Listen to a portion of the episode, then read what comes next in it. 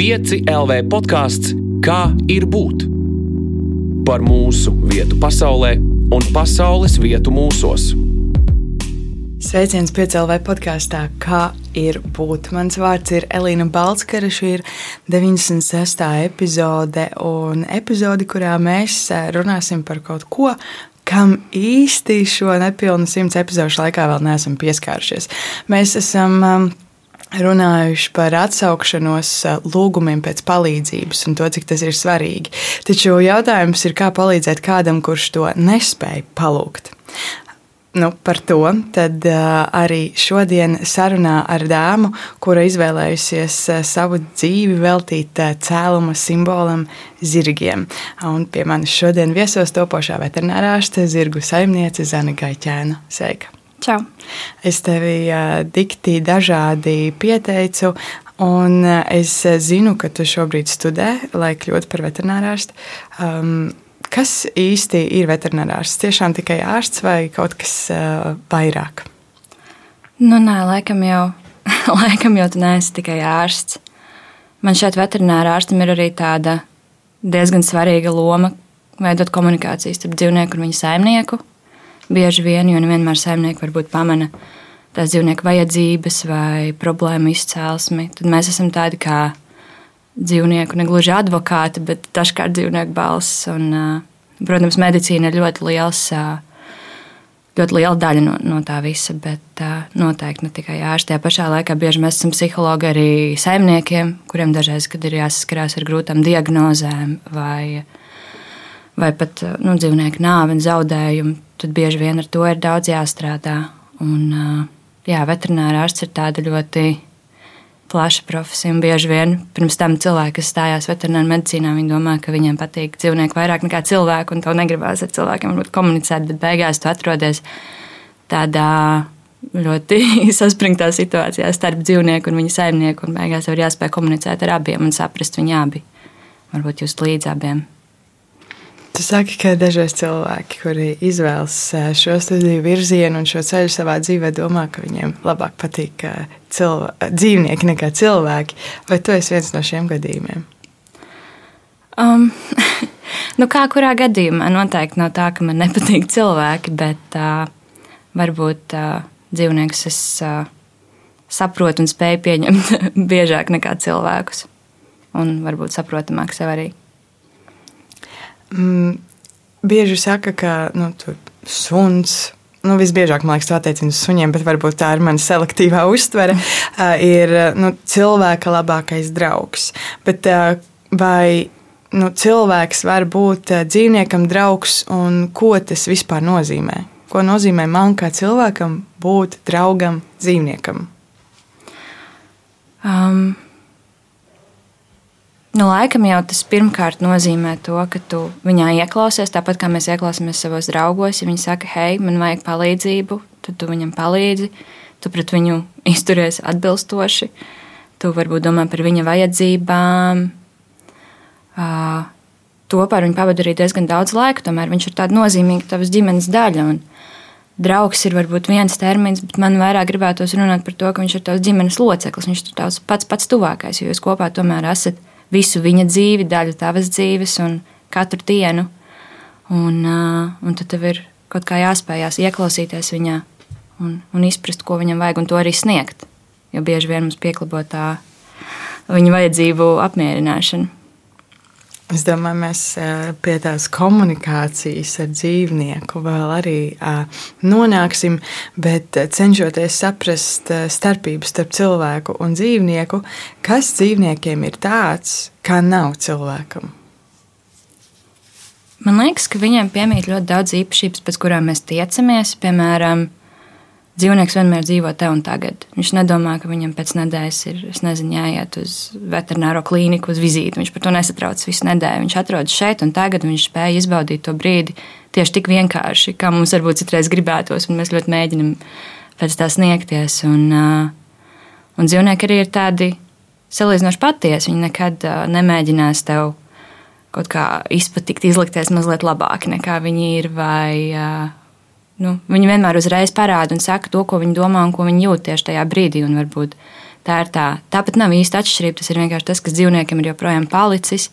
Un mēs varbūt esam mazliet aizmirsuši, kā būt, kā būt patiesam tajā brīdī, kurā mēs esam. Man liekas, tā ir tāda ļoti patīkama īpašība dzīvniekiem, un arī ar viņiem esot kopā, tu mazliet aizdomājies par to un varbūt mēģini to ieviest savā dzīvē vairāk. Kas ir tās lietas, ko tu visvairāk esi iemācījusies no dzīvniekiem, ko tu tiešām liec iekšā savā dzīvē?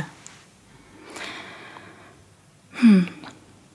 Nu, man noteikti nesanāk būt šeit un tagad, diemžēl.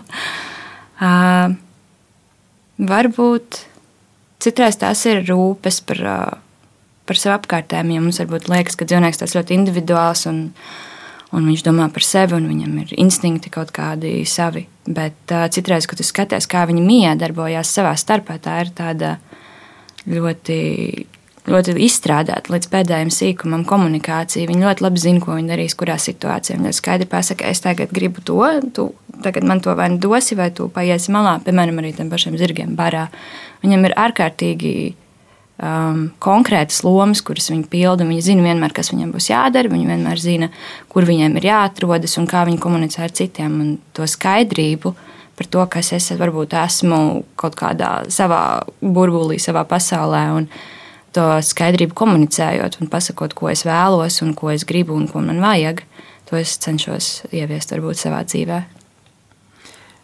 Kas um, tevī ir tāds, ko tu centies iemācīt varbūt dzīvniekiem no cilvēku pasaules? nu, tieši saviem dzīvniekiem ļoti bieži es laikam cenšos iemācīt tomēr nevienmēr tās savas emocijas izrādīt uzreiz un uzsprāgt. Jo viņiem, nu, tīpaši zirgiem, citreiz ir tāda tieksme no kaut kā. Kaut ko ieraudzīt, viņi paši ļoti satraucās, un tad viņi satraucās vēl vairāk, un satrauc visus savus draugus, un tad visi iet pa gaisu un uzsprāgs. Un tas, ko mēs cenšamies kopīgi iemācīties, ir miers. Kādās situācijās reaģēt mazliet mierīgāk un plūstošāk. Kā jūs to mācāties? Mums ir grūti, bet Nu, būtībā ļoti daudz esot. Tas ir tāpat kā cilvēkam. Mums sākumā, pirmo reizi darot kādu lietu, varbūt ir bail, mēs to darām ar vien vairāk un ar vien vairāk, un mēs lēnām pierodam. Un tieši tāpat mēs darām ar, ar dzīvniekiem, ar jebkuriem dzīvniekiem. Viņam, teiksim, ir, es nezinu, bail no mašīnām.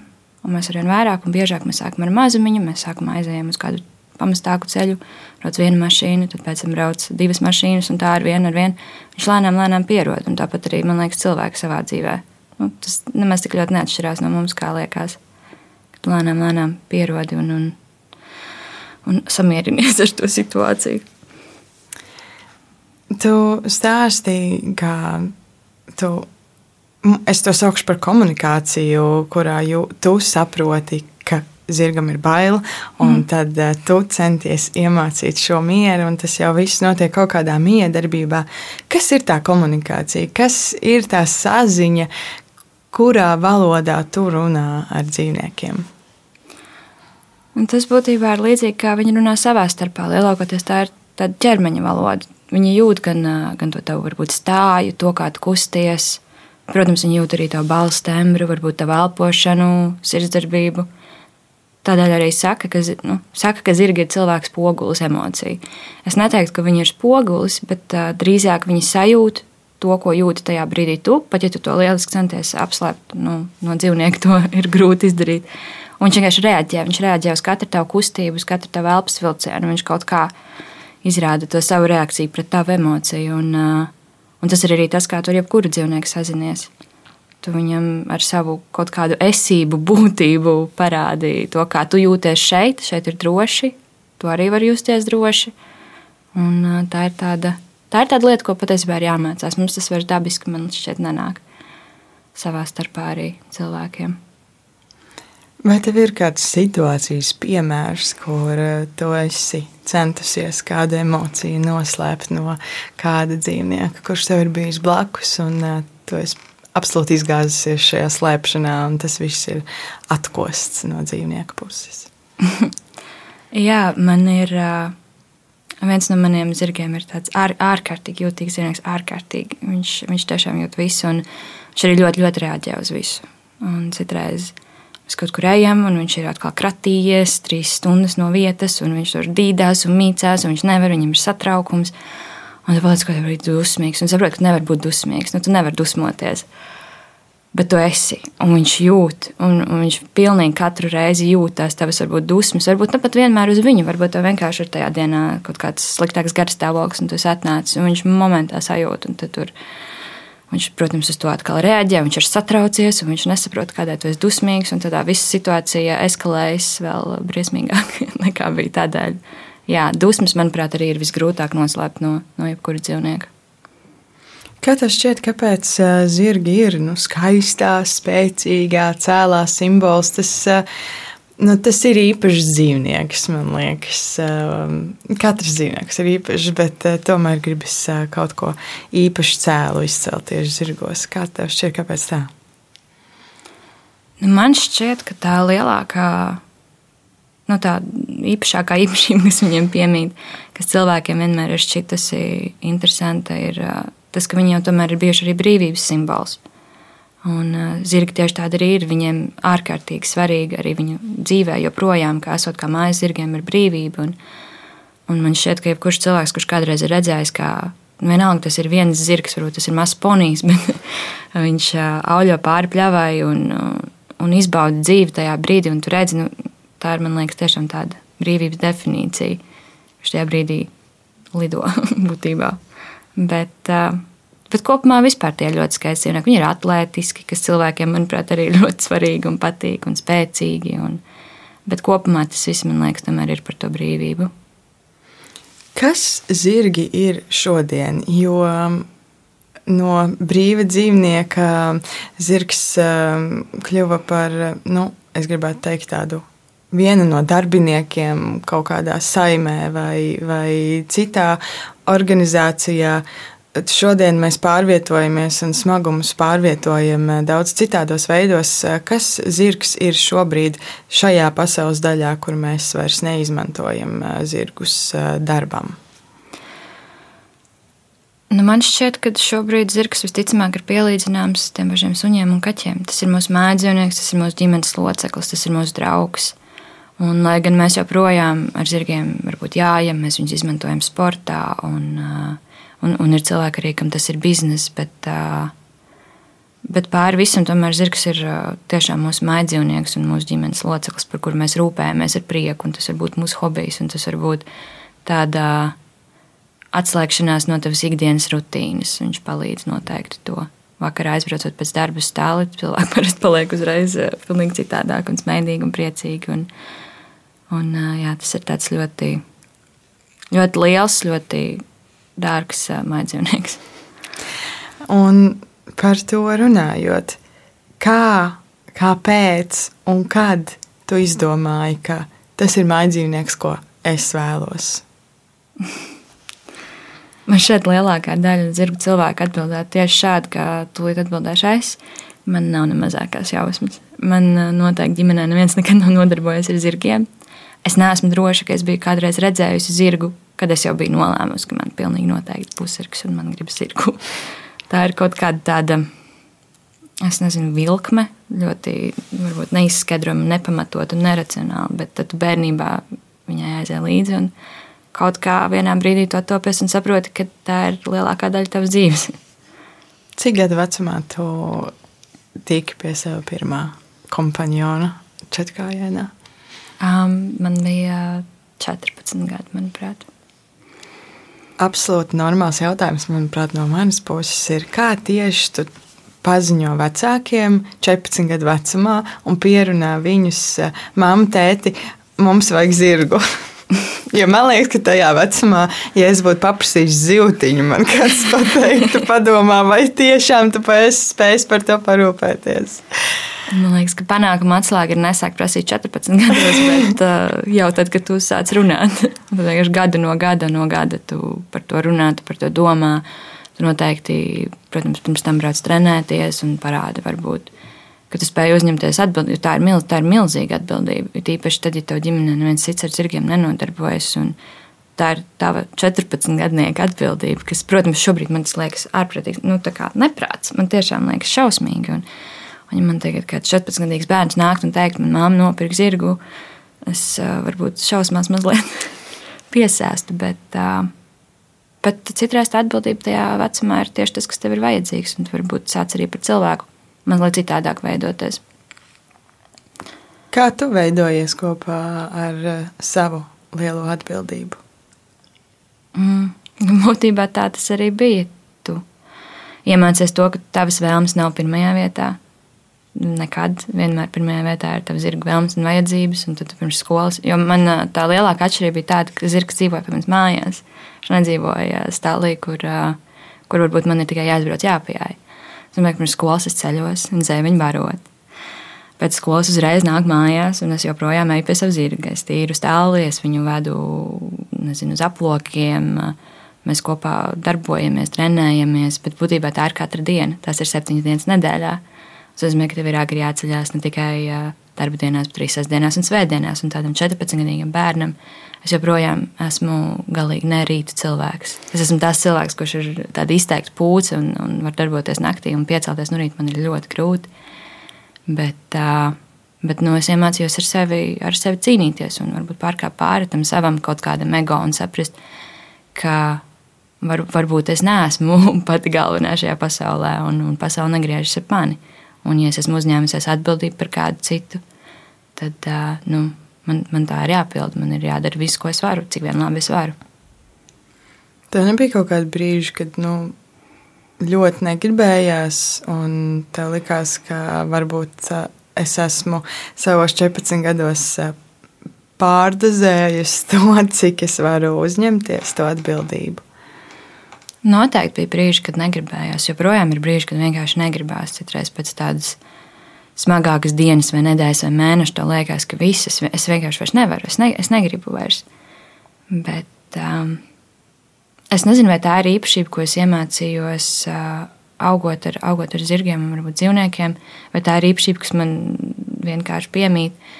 Bet uh, man šķiet, ka, ja kaut ko esi iesācis, nu, nu, tad tas ir jāpabeidz. Un līdz ar to, nu, ja man ir tie dzīvnieki, kas par viņiem esmu uzņēmusies atbildību, nu, nu, es negribu viņus varbūt kaut kur pārdot, atdot, kaut kur citur palaist. Un, jā, tā, tāds arī turpinās. Joprojām mans 14 gadu zirgs dzīvo pie manis. Bet tas reāli ir nu, darbs pēc brīvdienām.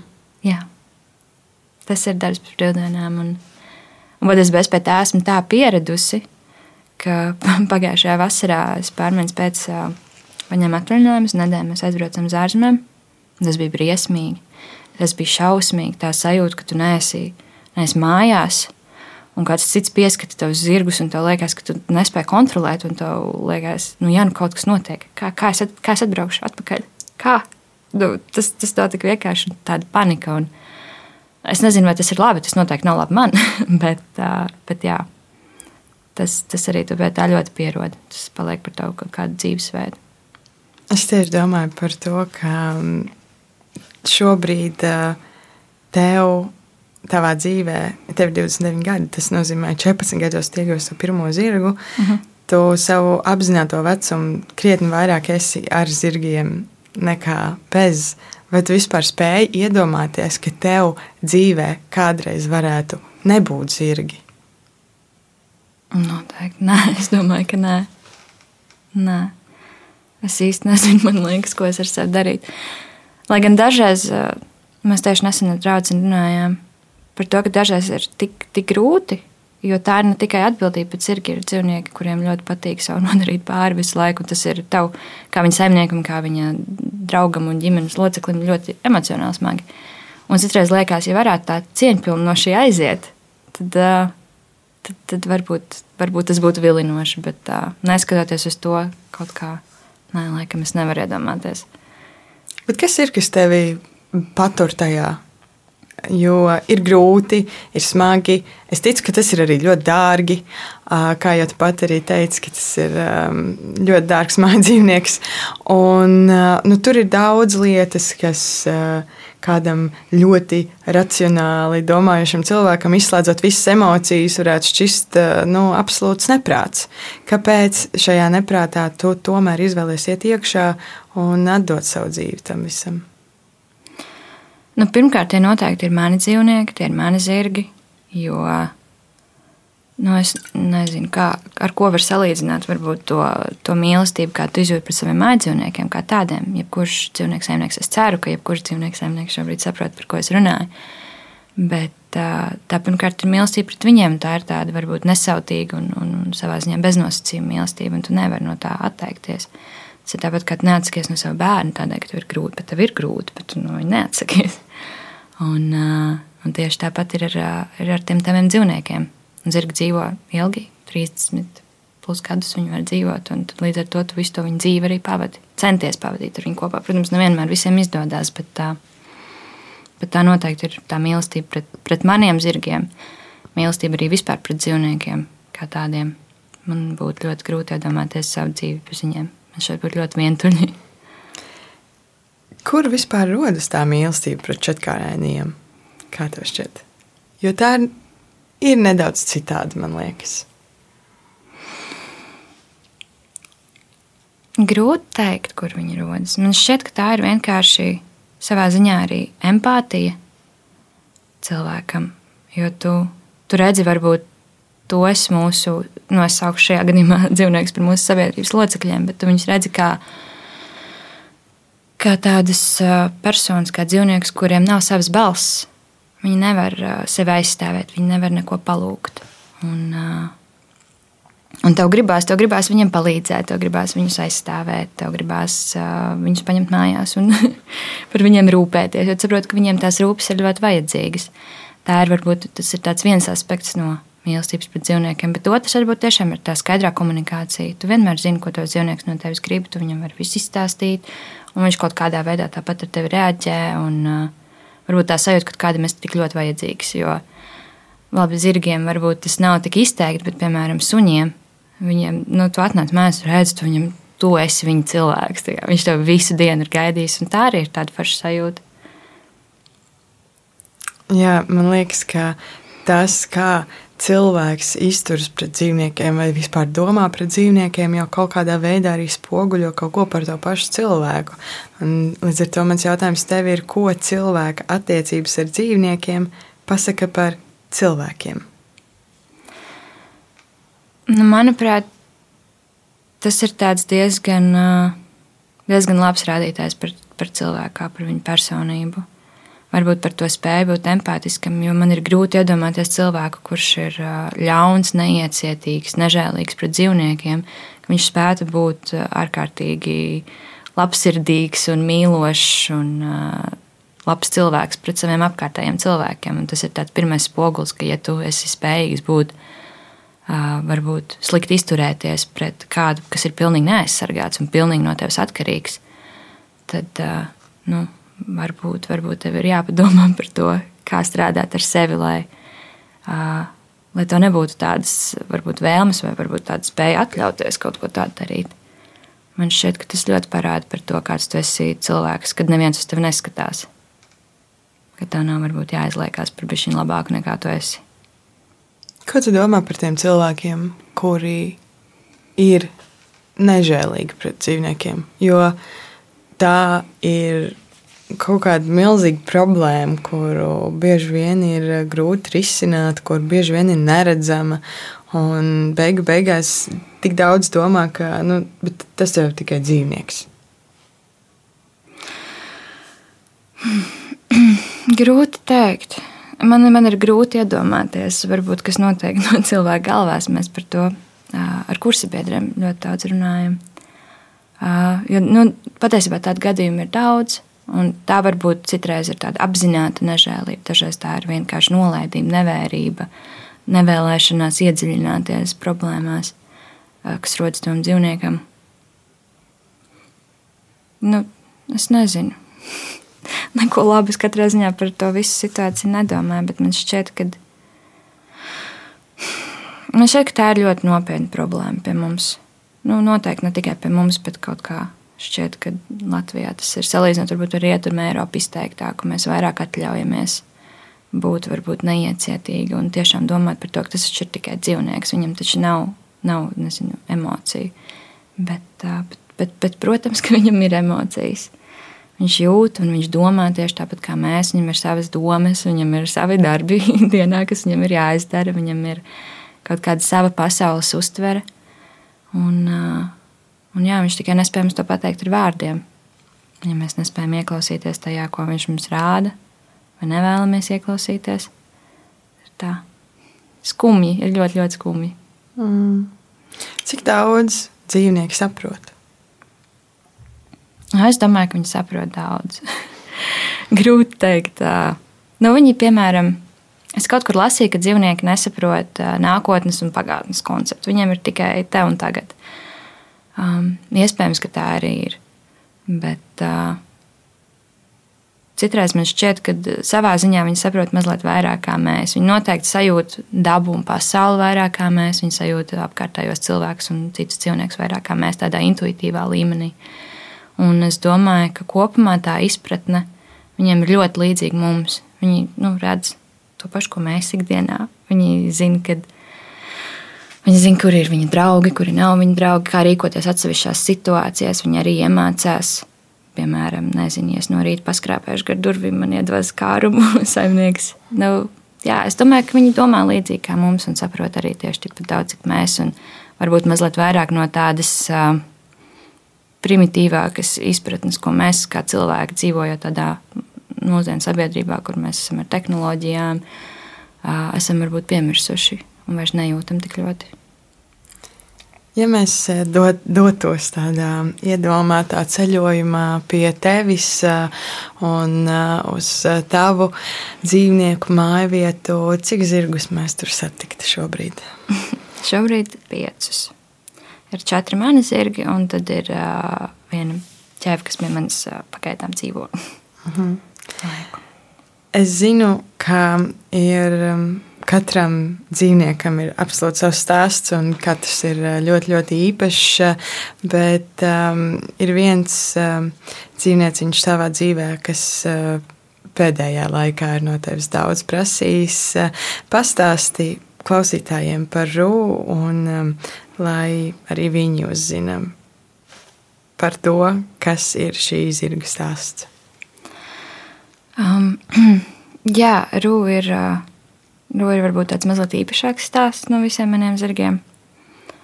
Uh, Rūju es satiku pagājušajā gadā, pavasarī. Man bija reprodukcijas praksa, būtībā nu, praksa ginekoloģijā lieliem dzīvniekiem. Un, uh, un viens no mūsu pacientiem bija Rūja. Viņa bija maza, maza arābu ķēvīte, kas bija piedzimusi ar nu, būtībā deformētām kājām. Viņa nevarēja piecelties, līdz ar to viņa nevarēja paēst pati. Un, mēs viņu sākām ārstēt, viņa aizbrauca uz klīniku ārstēties tālāk, un, un tā mūsu kontakti pārtrūka. Un, tad pēc prakses beigām man zvanīja mana prakses vadītāja un uh, stāstīja par problēmu, kas ir radusies. Jo Rūja joprojām bija bija slima, joprojām ārstējās, viņai vajadzēja intensīvu aprūpi, jo mamma no viņas bija atteikusies. Līdz ar to viņai ir nepieciešama barošana. Būtībā tieši tāpat kā zīdainim, ik pēc stundas, ik pēc divām stundām visu laiku tev ir jāceļās un tev ir viņa jābaro. Un, uh, viņas, viņas saimnieki to nevarēja izdarīt. Un, uh, jā, viņi, nu, viņi būtībā atteicās no, no tā mazā kumeliņa, kuram tajā brīdī nebija īsti kur doties, jo kur tāds mazs kumeliņš tad var doties. Un tad viņi lūdza, vai es viņu varu paņemt. Un tajā brīdī tā doma bija tāda, ka viņiem ir tikai jāparo, viņiem ir gan arī veseli, bet viņi jāpārsteidz. Nu, nu, labi, nu es varu viņu izbarot. Es to varu izdarīt. Un tā sākās mūsu piedzīvojums, kas joprojām turpinās, jo beigu galā nāca viena komplikācija pēc otras komplikācijas. Rūpietus mēnešus nodzīvoja Jālgavā zirgu klīnikā, intensīvā aprūpē, ārstējot, ārstējot šīs kāju problēmas. Un, kaut kā tā nemanot, es savam zirgu pulkam pievienoju vienu tādu ļoti īpašu rūpi bērnu. Bet um, tas, kas man liekas visīpašākais par, uh, par rūpu, laikam jau ir tas, ka viņai piemīt tik ārkārtīgi izteikti dzīvot grib. Man ir, man ir ļoti grūti iedomāties vēl kādu zirgu īpaši, bet dzīvnieku vai pat cilvēku, kuram ir, kuram ir tāda dzīvot griba, kurš nekad nepadodas. Viņai nāca viena problēma pēc otras, un tās visas komplikācijas, viņas bija sāpīgas un viņiem bija grūti. Un viņa nevienā brīdī neizskatījās, ka viņa ir gatava padoties. Viņa bija tieši tikpat uh, moža un droša un griboša iet ārā un darīt savas lietas. Viņai ir ļoti skaļš viedoklis, ko viņa vienmēr izsaka visiem. Un viņa nevienā brīdī nelikās, ka viņa tā nolaiž rokas vai padodas un saka, hei, man, man pietiek, es vairs negribu, es vairs nevaru. Un mēs tāds mazs, mazs zirdziņš, kurš savā dzīvē ir tik ārkārtīgi daudz negatīvu lietu piedzīvojis, tik ārkārtīgi daudz varbūt sāpju un, un nu, negluži ciešanu, bet diskomforta. Un viņš joprojām, un viņi joprojām viņi grib dzīvot. Un man liekas, ka tā arī ir tāda forša lieta, ko mācīties, ka pat tad, kad ir tik grūti, ka liekas, ka vairs nu neko, nu, vienkārši nevar, nevar padoties un vajag kaut kā cīnīties tam cauri. Tad beigās cerams, viss būs labi. Tu esi aizdomājusies par to, ka rūpes sākas tāpat kā vārds rūpes, jo tu tikko pati teici rūpi bērns.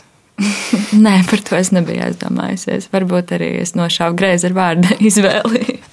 Nē, es domāju, tas ir tieši skaisti, ka tu rūpējies, rūpējies par viņu. Un, um, tu minēji, ka tev zvanīja tev prakses vadītāji un prasīja, vai tu vari uzņemties rūpes mm -hmm. par uh, šo zirdziņu. Un, uh, mūsu epizodes tēma lielā ir glābšana. Un, kā es ievadā teicu, tas ir par tām reizēm, kad nu, ir jāglābj kāds arī, kurš nevar paprasīt atbalstu. Un Rūpa pati droši vien nevarēja pie tevis atnākt un paprasīt zāni, lūdzu, palīdzi man. Bet kā tev liekas, kāpēc tava prakses vadītāja nolēma zvanīt tev, redzot, ka tu vari būt glābēji? Kāpēc, kāpēc tu? Mēs epizodes sākumā jau runājām par, par empātiju, un man šķiet, ka cilvēki, kas man pazīst, noteikti ir ievērojuši to, ka man dažreiz tā empātija pret dzīvniekiem ir, ir varbūt mazliet izteiktāka nekā citiem. Es esmu tas cilvēks, kurš ļoti, ļoti jūt līdzi visiem. Un, kurš var arī sākt klusiņām stūrīt, iraudāt par kādu varbūt, kādu varbūt nelaimīgāku dzīvnieku. Un, un arī varbūt tā pati vēlme kā to pat nosaukt. Nu, tā īpašība vēl, kas man vienmēr ir pieminēta, man šausmīgi grūti ir samierināties ar kaut kādu netaisnību. Man vienmēr šķiet, ka var labāk. Tāpat ar tiem pašiem dzīvnieku saimniekiem, kuri varbūt nevienmēr nodrošina labākos apstākļus saviem, saviem četrkājainiem draugiem. Vienmēr ir ļoti, ļoti grūti ar to samierināties. Es vienmēr esmu bijis tas, kurš mēģina cīnīties par to, lai tā nebūtu, un skaidrot un runāt. Un, un uh, kopumā vienkārši tā vēlme ne tikai runāt par to, ka vajadzētu labāk, bet arī darīt. Un, uh, mēs ar manu prakses vadītāju esam arī pazīstami mazliet ārpus, ārpus šī, un tad es domāju, ka viņa zināja, ka es uh, nevarēšu pateikt nē, un tādēļ arī zvanīja. Vai tiešām ir tā, ka tu nevari pateikt nē? Vai tev bija kaut kur galvā ideja par to, ka nu, varbūt šis būs par daudz? Jā, jā man, man tāda ideja noteikti bija. Un, uh, to visu pēc tam piedzīvojot, tos visus piecus mēnešus, man bija tik ļoti bieži likās, ka ir par daudz. Bet, uh, bet man, man ir grūti pateikt, nē, it īpaši, kad runa ir par uh, varbūt tiešām kādu, kurš nespēja sev palīdzēt. Jo tajā brīdī, kad saprotu, ka viņam nav citu variantu īsti, tad uh, nu, ir, ir ļoti grūti pēc tam pašam sadzīvot un samierināties ar to, ka tu varēji palīdzēt, tev bija iespēja palīdzēt bet uh, tu to nedarīji. Bet tā gan arī nav varbūt labākā īpašība, tīpaši veterinārā ārstam. Jo ļoti bieži būs tādi gadījumi, kad tu varēsi palīdzēt, bet tajā pašā laikā tu nevarēsi. Jo kaut kad, protams, ir jāsāk domāt ar, arī par sevi. Uh, bet, bet laikam es vēl neesmu līdz tam brīdim nonākusi. Jā, jautājums par to, kurš ir tas brīdis, kad ir jāatsakās no glābšanas? Tas varbūt ir tas brīdis, kad tu saproti, ka, ka šis varētu būt tas gadījums, tā situācija, kas no tevis paņem pilnīgi visu, un pēc tam tu vairs nevarēsi. Jo es domāju, ka mums ļoti daudziem ir vēl nezinu, mājās, gan ģimenes, gan varbūt arī citi dzīvnieki, par kuriem mums ir jārūpējas. Un, ja mēs vairs nevarēsim, tad kurš parūpēsies par viņiem? Un arī par mums pašiem, jo neviens, pat, neviens cits jau par mums arī nerūpēsies ja ne mēs paši. Un, uh, kaut kādā brīdī ir jāsaprot, ka, lai tu varētu palīdzēt vēl daudziem, pēc tam tev šim vienam dažreiz ir jāatsaka. Bet es uh, domāju, ka tas ir emocionāli. Tas ir emocionāli ļoti, ļoti smagi. Un tas ir arī tas, par ko ļoti daudz runā tieši šajā profesijā. Tieši tā uh, mentālā puse, jo mums visiem patīk dzīvnieki. Visiem veterināriem patīk dzīvnieki. Un reizēs, kad tu gribi palīdzēt, bet tu nevari palīdzēt, tev tas pašam ir ļoti, ļoti, ļoti smagi. Un tas ļoti grūti nāk. Un pēc tam ar to sadzīvot ir, ir smagi. Tu pieminēji arī ģimeni un citus dzīvniekus. Un, uh, es domāju, ar to, cik ļoti tu esi nodevusies šim no 14 gadu vecuma, kas nav maz svarīgi. Um, kā reaģē tevi apkārtējie cilvēki? Jo um, nu, dzīvnieks nevar par sevi parūpēties, tev tas ir jāizdara viņa vietā, līdz ar to, kā tu pats saki, tu nostādi dzīvnieka tās vajadzības virs savām nereti. Ko par to saka tavi tuvākie? Es domāju, ka viņi jau ir pieraduši, apraduši, samierinājušies. Um, dažreiz, protams, ir tā, nezinu, Ziemassvētkos tev. Tu esi prasījis, es gribu zirgam, tur man vajag, es nezinu, zābaciņas jaunas vai, vai, vai kādu segu. Un Ziemassvētkos saņem dāvanu karti uz, es nezinu, jebko, kas ir domāts tikai priekš tevis, tāpēc ka viņiem liekas, ka ja tu jau pats par sevi nekad neparūpēsies, tad, tad kāds cits varbūt mēģina mazliet par tevi parūpēties, lai tev ir tā, mm, tā iespēja aiziet. Bet, tā, bet nē, man šķiet, ka viņi jau ir ļoti apraduši ar šo un, un, un baigi nav satraukušies. Bet tad, kad tu nezinu, baro to mazo kumeliņu ik pa stundu, divām, vai kad tu cīnies un ņemies, un, un tas jau ir nu, emocionāls pārdzīvojums arī tev pašai, un, un tas, tas, par ko tu runā. Lai tevi pasargātu, viņi nav centušies tevi no, novilkt nedaudz uh, no tā um, pat ne ļoti varbūt tiešā formā, bet vienkārši pasakot, ka nu, zāne varbūt uh, tas ir par daudz tev pašai. Laikam jau nē. Varbūt es vienkārši vēl neesmu sākusi izrādīt kaut kādas pazīmes uz āru, ka ir par smagu. Bet, uh, bet nē, es domāju, ka. Es domāju, ka viņi saprot arī to, ka tas ir tas ir grūti man. Man ir grūti ar to samierināties, man ir grūti ar to dzīvot, man dažreiz ir par smagu. Bet tajā pašā laikā man tas ir ļoti vajadzīgs. Jo ļoti daudz var lasīt un, un klausīties cilvēkus, kur runā par to, ka viņi meklē savu vietu pasaulē. Viņi meklē varbūt savu dzīves jēgu, kādai viņi ir šeit, kas viņiem ir jāpaveic.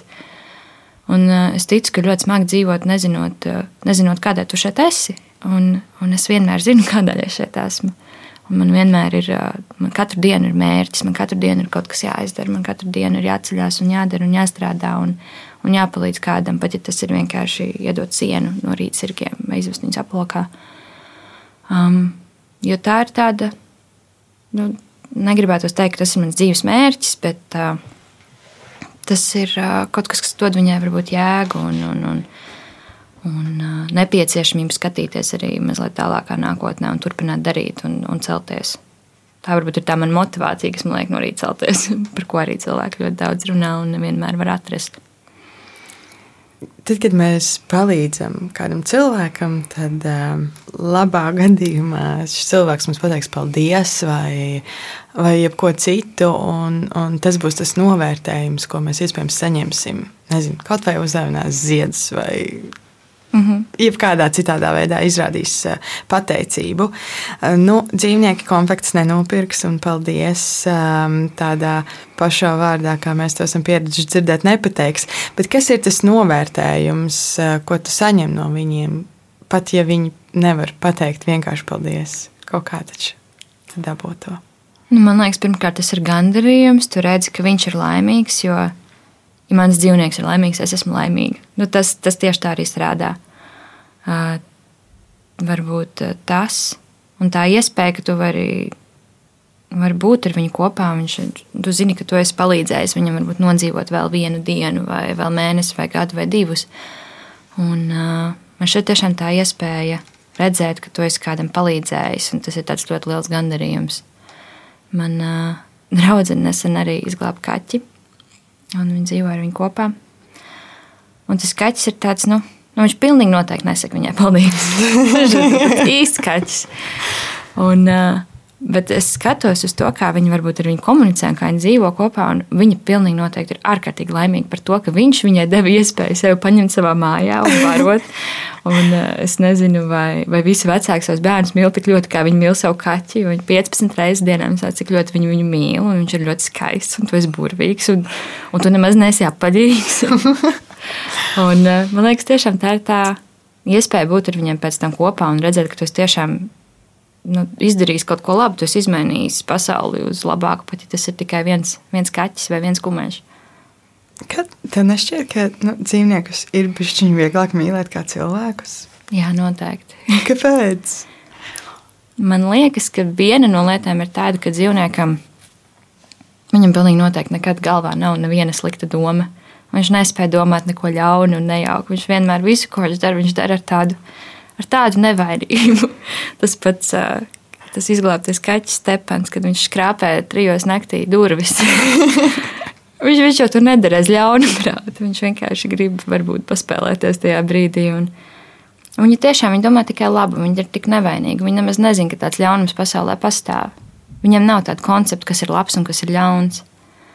Un, uh, varbūt tādēļ ar viņiem ir arī mazliet vieglāk. Mm. No, tas, ka viņi ir pukaini un izskatās labi. Un... uh, jā. Uh, um, kur Rūra ir tagad? Kā viņa jūtas? Uh, kādā posmā jūs uh, abas esat šobrīd? Rūra šobrīd ir mājās pie manis. Um, viņa joprojām uh, veseļojās, joprojām mēs strādājam. Bet jūtas viņa lieliski. viņa ir uh, beidzot sākus komunicēt ar citiem zirgiem. Jo sākumā viņiem bija grūti. Viņa bija nu, jau izbarots kumeliņš. Viņa ir satikusi sākumā tikai cilvēkus. Viņai likās, ka cilvēks ir tas viņas lielākais draugs. Varbūt viņa pati ir mazliet vairāk cilvēks nekā zirgs. Tad šobrīd viņa ir izdomājusi, ka viņa ir zirgs tomēr. Un viņa lec ārā no visiem aplokiem un mēģina skriet pie pārējiem zirgiem, kas ir apgrūtinoši. Bet, bet jā, šobrīd būtībā tā, tāpat cīņa un, un, un, un viss darbs turpinās. Bet, uh, izskatās jau mazliet gaišāk un cerīgāk. Nu, ja tu saki, sākumā. ka viņa lec pāri aplokiem, un ja tu sāki ar to, ka viņa nevarēja piecelties kājās īsti, tad tas jau vien izklausās pēc milzīga progresa. Jā, progress noteikti. Atskatoties atpakaļ, progress ir, ir, ir ļoti liels. Ja mēs atgrieztos tādā gadu senā pagātnē, bet tu zinātu, nākotni, tu zinātu arī šodienu, vai tu vēlreiz teiktu jā, un tu vēlreiz ņemtu rūpīgi pie sevis? Ros noteikti ņemtu, jā.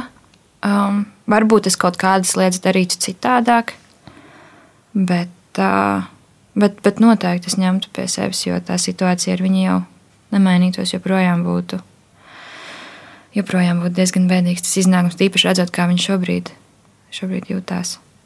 Un man arī tas sniedz kaut kādu gandarījumu. Vismaz tā, ka, jā, noteikti, noteikti teiktu vēlreiz, jā, nedomājot divreiz. Tu ļoti daudz rūpējies par uh, dzīvniekiem, un tu stāst arī par rūpēm par cilvēkiem, un uh, visādi citādi virzīt uh, to, ka mēs vēlamies palīdzēt un atbalstīt. Bet kā iemācīties rūpes par citiem? Kā tu esi mācījusies rūpēties gan par četrkājainajiem, gan par divkājainajiem un visiem pārējiem? Nu, man liekas, ka pirmā lieta, nu, tu nevari rūpēties par kādu, ja tu to nevēlies. Vispirms tev ir jāsaprot, tas, ka tev ir jāiemācās būt varbūt mazliet empātiskākam, tev ir jāiemācās iekāpt tā otra cilvēka vai tā otra dzīvnieka kurpēs un saprast, kā viņš tajā situācijā jūtas un kā tu jūtos tajā situācijā. Un, un ir, es nezinu, vai pat to var iemācīties, tās rūpes un to vēlmi palīdzēt. Bet man šķiet, ka mums kā sabiedrībai nav arī tik slikti. Mēs taču tomēr gribam viens otram palīdzēt. Un, ja kāds uz ielas paslīd un nokrīt, mēs, tas ir mums instinkts pieiet klāt, palīdzēt piecelties. Tā liekas tāda norma. Un, Un to vienkārši vajadzētu vairāk ieviest, varbūt tādā mūsu ikdienā. Citreiz nekautrēties pajautāt kādam, vai tev vajag palīdzību. Es tev varu palīdzēt, bet ja tās ir kādas ārkārtīgi vienkāršas lietas. Aiziet uz veikalu, varbūt kādam kaimiņam, senioram, kurš to nevar izdarīt, vai arī palīdzēt, nezinu, uz ielas kaķim, ja tu redzi viņu, ka viņš skrien un viņam izskatās, ka nav māja vai, vai kāds ievainots dzīvnieks. Un, vienkārši saprast to, ka mēs šajā pasaulē neesam vieni.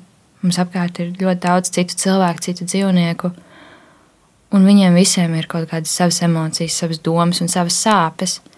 Un, un tās sāpes, nu, ja mēs viņus varam remdēt, ja mēs varam viņiem palīdzēt, tad mums vajadzētu gribēt to darīt, un to noteikti vajadzētu darīt. Jo kāds pēc tam tieši tāpat visticamāk izdarīs arī mums, ja mēs taču gribam, lai mums palīdz. Tā kā jā.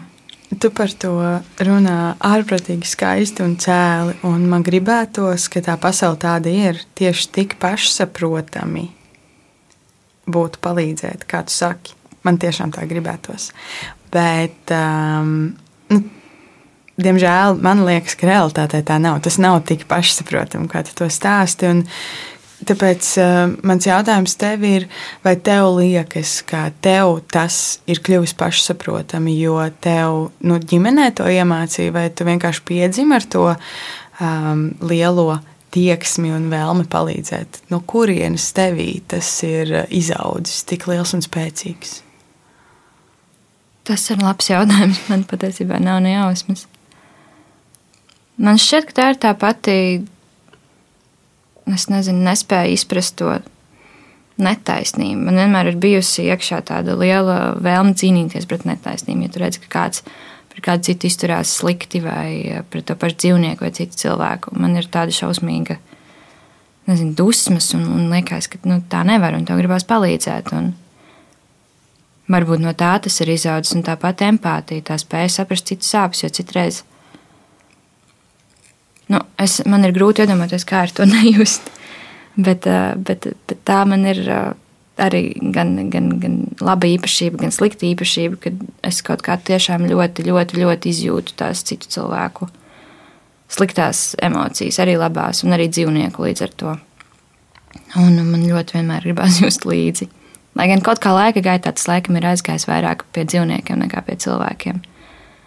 Jo viņi tiešām man kaut kā tik ļoti šķiet briesmīgi iedomāties to situāciju, ka tev vajag palīdzību, un tu nevari palūgt palīdzību, un tev sāp, un tu nevari pateikt, kas tev sāp.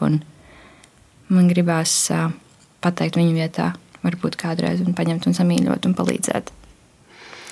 Ja tu būtu tāds, um, tu jau esi noteikti dzīvnieku advokāts, aizstāvis un, un viss pārējais, bet, uh, nu, ja tu būtu tāds uh, liels un oficiāls dzīvnieku advokāts uh, uh, visas sabiedrības ietvaros, uh, kas būtu tās lietas, ko tu gribētu cilvēkiem visiem izstāstīt par dzīvniekiem, ko varbūt mēs nezinām vai aizmirstam vai vienkārši neiedomājamies? Man liekas, ļoti svarīgi ir saprast, ka dzīvnieks ir nav mūsu tāda, tāda tiesība. Mums nav tiesības turēt dzīvnieku, ja mums nav iespējas par viņu uh, parūpēties. Tā ir privilēģija. Ja tu vari atļauties gan savu laiku, gan, uh, gan savas emocijas, gan savu finansiālo uh, stāvokli veltīt savam dzīvniekam, tad, uh, tad tu to vari uzņemties. Bet, bet tev nevajag, tev nevajag to suni, tev nevajag to kaķi visticamāk. Ja tu nevari viņu izdarīt, aizvest regulāri uz klīniku, jo tad, kad viņš saslims, tu neved viņu pie ārsta, tu viņam nepalīdzi, vai tu savu suni nezinu, nemāci, netrenē. Tev viņa nevajag. Viņam, viņam arī nu, viņam nav, nav forši. Tas rada arī ārkārtīgi daudz. Tā ir patiesībā ļoti liela problēma tieši tādiem mazajiem dzīvniekiem. Suņiem, kaķiem, ka cilvēkiem šķiet tīpaši. Nu, tas pat nav tikai laukos, bet uh, viņam šķiet, ka mums vajag suni. Jo visiem ir suņi. Tāpēc, ka visās ģimenēs vienmēr ir suņi. Mēs dzīvojam, nezinu, privātā mājā. Bet mēs nezinām, ko nozīmē par viņu rūpēties. Un tas ir ok, ir, ir ok, ja nezinu, tev varbūt dzīvnieki nepārāk patīk, vai, vai tu nespēj viņus uztvert kā savus ģimenes locekļus, un tev ir uh, suns, suns ir suns tādā varbūt konservatīvākā izpratnē, bet, bet varbūt tev viņu nevajag. Man liekas, cilvēkiem būtu vienkārši divreiz jāpadomā, pirms viņi uzņemās atbildību par kādu citu dzīvu būtni, jo tā ir dzīva būtne. Un tā ir milzīga atbildība. Milzīga. Un uh, cilvēki nevienmēr to spēj tā apzināties. Un man liekas, ka ja mēs to spētu apzināties, tad būtu ļoti, ļoti labāka situācija dzīvniekiem vispār, gan Latvijā, gan pasaulē. Būtu daudz mazāk ciešanu. Ko mēs kā cilvēki visbiežāk pārprotam par dzīvniekiem?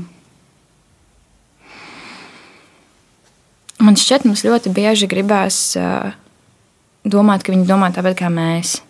Ka viņiem, nezinu, viņiem ir vajadzības tieši tādas pašas kā mums. Man liekas, ka to vislabāk var uz tādiem zirgiem sajust, ka cilvēkiem šķiet, ka viņiem, ir, viņiem gribās ienākt iekšā savā siltajā gultiņā un negribās iet ārā lietu. Bet tā nav. Viņi tomēr ir dzīvnieki, viņiem ir savas vajadzības, sugai raksturīgas vajadzības. Tāpat kā mums ir savas sugai raksturīgas vajadzības. Uh, jā, mums gribās kaut kā viņus mazliet, um, mazliet vairāk iedomāties kā cilvēkus un mazāk kā dzīvniekus. Un tad arī stress sanāk nepamanīt tos viņu saucienus pēc palīdzības. Kādas ir tavas vajadzības? Manas vajadzības. Um, grūti tā Es nezinu, tas laikam ir ļoti slikti. Man ir ļoti iedomāties, kādas ir manas vajadzības. Man liekas, man pietiek ar četrām, piecām stundām miega un kafijas, un viss ir ļoti labi. laikam jau man gribētos, tas, kas man varbūt mazliet pietrūkst, ir tāda drošības sajūta un, un, un rutīna dien, ikdienā. Varbūt tā būtu tā mana vajadzība. Es ceru, ka kādreiz man izdosies to ieviest arī savā dzīvēm zināt, ka rīt viss būs kārtībā. Tāpat kā šodien viss bija kārtībā. Bet ar dzīvniekiem dzīvojot, laikam, ir ļoti grūti tā. Ir īpaši, ja tev ir vairāk par vienu dzīvnieku, jo viņi kaut kā spēja viens pēc otra sev kaut ko nodarīt vai slimot. Tas ir viss, par ko domā un ko dari. um, tava ikdiena, gan tādā praktiskā, fiziskā pienākumu izteiksmē, gan arī liekas, tajā emocionālajā darbā, kam tev jāaiziet cauri, izklausās ļoti, ļoti piepildīta. Bet cauri visiem šiem glābšanas un rūpju procesiem, kur ir šķietams bezizējas situācijas un viss pārējais, kas tavuprāt ir svarīgāks - ticība vai cerība? Labs jautājums. Man liekas, ka ticība un cerība ir tādas divas ļoti, nu, būtībā sinonīmi, vismaz manā galvā.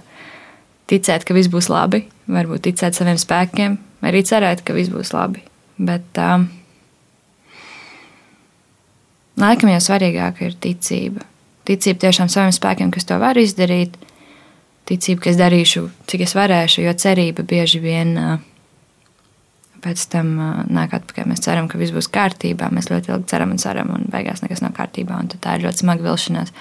Bet, ja tu tici, ka tu to vari izdarīt, tu vari izdarīt labāko, ko tu tajā brīdī ar saviem resursiem varbūt vari paveikt. Tad, tad tev vismaz pēc tam ir tāda pat negatīvos gadījumos, negatīvos iznākumos, tev ir tā sajūta, ka es darīju visu, ko es varēju. Šis bija labākais, kas varēja sanākt no, no šīs situācijas. Okay, mēs ceļamies un ejam tālāk. Zana, man ir liels prieks, ka tu tici saviem spēkiem. Man liekas, ka dzīvnieki par to ļoti priecājas. un, eh, un man ir prieks, ka tu esi tāds aizstāvis un, un, un rūpējies par tiem, kā tu saki, kuri nevar paši par sevi parūpēties. Paldies, eh, ka tu viesojies šodien šeit, un es ceru, ka to ticību pārņems kaut kādā formā arī visi tie, kuri mūs šobrīd klausās. Paldies, tev, ka tu viesojies! Paldies arī tev, ka tu klausījies. Šī bija 96. epizode, un pavisam strauji tuvojas 97. un tad vēl pavisam mazliet līdz kā ir būt noslēgumam. Tāpēc nepalaid garām. Vēl pēdējās iespējas piesakot, kā ir būt tajā platformā, kur eh, tu mūs šobrīd klausies, lai eh, mēs varam satikties jau pēc nedēļas. Bet pagaidām es saku atā.